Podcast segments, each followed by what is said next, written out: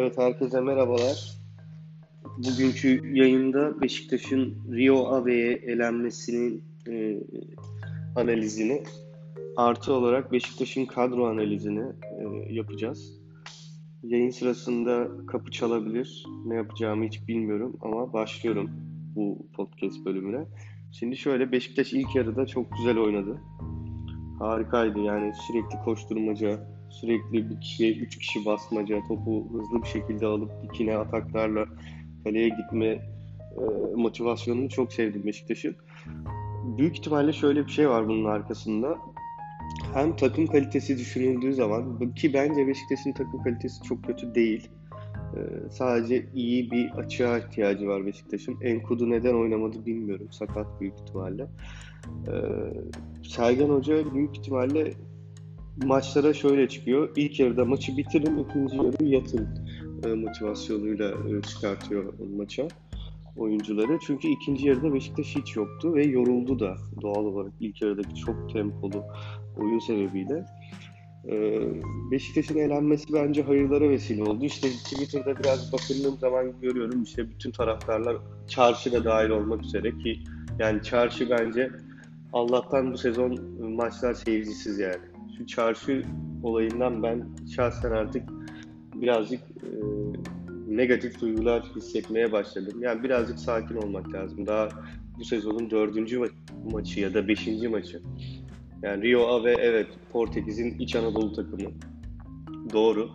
Ama yani kolay değil bu işler. Öyle anlatıldığı kadar kolay değil. Tek maçlı sistem. Bence Beşiktaş tamamen lige kanalize olacak şimdi. Çok daha iyi oldu. Ee, bu oyuncular 90 dakikayı bile çıkaramazken bu sezon 40 maç lig artı 15 maç Avrupa Ligi gibi şeyler yapması kondisyon olarak çok zorlardı takımı. Ee, yani herkes bir sakin olsun. Özellikle şu Beşiktaş taraftarı, Fenerbahçe taraftarı da aynı şekilde. Yani bu takımlar hiç yenilmeyecek mi yani? Ya da beraberlik almayacak mı? Her maçı çıkıp kazanan bir takım var mı yani? Arada böyle şeyler olacak. Beşiktaş'ın hayrına olduğunu inanıyorum. Sergen Hocama tekrardan geçmiş olsun dileklerimi iletiyorum. Yani biraz da dikkatli ol Sergen Hoca. Yani geçen yılki Alanya Fener maçından sonra soyunma odanı da işte sigara içtiğim videoda yani 40 kişi var odada ya. Yani o kadar kalabalığa gerek var mı hocam? Yani sen birazcık izole et kendini insanlardan. Etrafında bir sürü senden yararlanmaya çalışan çakal varmış gibi bir hisse kapalıyorum ben. Umarım böyle bir şey yoktur. Şimdi Beşiktaş'ın kadro analizini Transfer Market'ın sponsorluğunda e, bir bakalım. Beşiktaş'ta 30 oyuncu var şu anda. Ortalama yaş 25.6, 15 yabancımız var.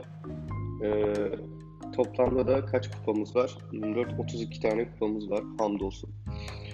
E, ve Beşiktaş bu yıl 62 milyon, 62.15 milyon euroluk bir e, takım ki yani 62 milyon euroluk bir takım her zaman başı oynayabilir Türkiye Ligi'nde. Pahalı bir takımız. Hala pahalıyız bence. Ve iyi ama yani optimumu bu olması lazım. Utku harika kurtarışlar yaptı. Ersin'le birlikte bu yıl götürebileceklerini kanıtladılar.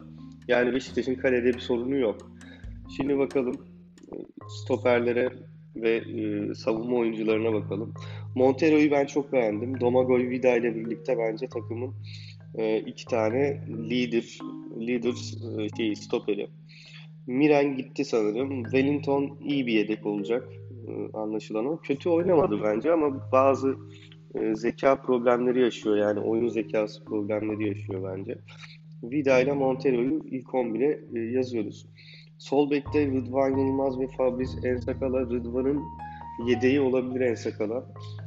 Ama değişiklik de yani değil, rotasyonlu bir şekilde de oynatılabilir bu ikili. Rıdvan'ı çok beğendim. Harika oynadı bence. Necip Necip müthiş oynuyor ve sakalları çıkmış Necip'in. Bu da müjdemiz. Çok şey güzel de duruyor, yakışıklı da duruyor. Yakışmış Necip kardeşimize. İşte Beşiktaş'ın sağ bek problemi var. Alınacaktır diye tahmin ediyorum. Necip orada şu an götürüyor ama aman umarım şey olmaz yani kadro tamam Necip burayı halletti deyip teknik kadro buraya transfer yapmamazlık etmez umarım. Ee, E Beşiktaş'ın orta sahana orta sahasına bakıyoruz. Josef de Souza, Atiba Hutchinson, Dorukhan Topöz, Oğuzhan Özyakup, Adem Laiç, Bernard Mansa, Mensa, e, işte şey var, Kartal var genç çocuk. E, orta saha bence orta saha üçlüsü yani iki orta saha bir e, forvet arkası kısımda Beşiktaş'ın bence e, çok kuvvetli eli. Bernard Mensah zamanla açılacaktır ama ben Adem'le için her zaman Beşiktaş'ın ilk 11'inde olacağına inanıyorum. Kanatlarda dediğim gibi bir lens problemimiz var. Lens'i bazen çok seviyorum, bazen nefret ediyorum Lens'ten. Dün akşam nefret ettiğim akşamlardan biriydi açıkçası. Umarım yani toparlar. Gökhan Tere belki onun yerine orayı alır. E, Forvet'te de bence Beşiktaş'ın az forveti Atakan Üner olmalı. Yani e, Güven Yalçın çok güzel oynadı dün ilk yarıda. Larin de bir şeyler yapmaya çalışıyor. Onda da sıkıntı yok. Ama Umut Nayır tabii ki bunların yedeği. E bir de Abu Bakar gelirse buraya bence Larin'i falan elden çıkartmak lazım. Bilmiyorum hani Larin'in 4 milyon euro e, bedeli olduğu şey piyasa değeri olduğu yazıyor burada. Yani 3'e falan sardırıp gönderebiliriz Larin'i eğer e, şey gelirse. Aydın Asiç maalesef e, tahminlerimin çok altında.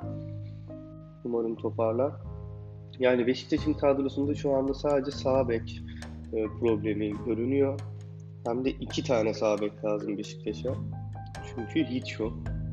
Böyle bir sıkıntı var. Bu kadroyla Beşiktaş dediğim gibi daha önce de demiştim. Bence Beşiktaş bu sezon en kötü ikinci olur. Galatasaray ile Beşiktaş'ın oynayacağı yanılmıyorsam 38. hafta var. Yine Sergen attı şampiyonluk geldi tadında bir maç olursa bizim için tadından gelmez tabii ki. Genel hatlarıyla bugünkü yayınımın konuları bunlardı. Teşekkür ediyorum dinlediğiniz için. Abone olun, arkadaşlarınıza paylaşın. İşte girin Apple'da podcast bölümünde yorum yapın falan. Teşekkürler, görüşürüz.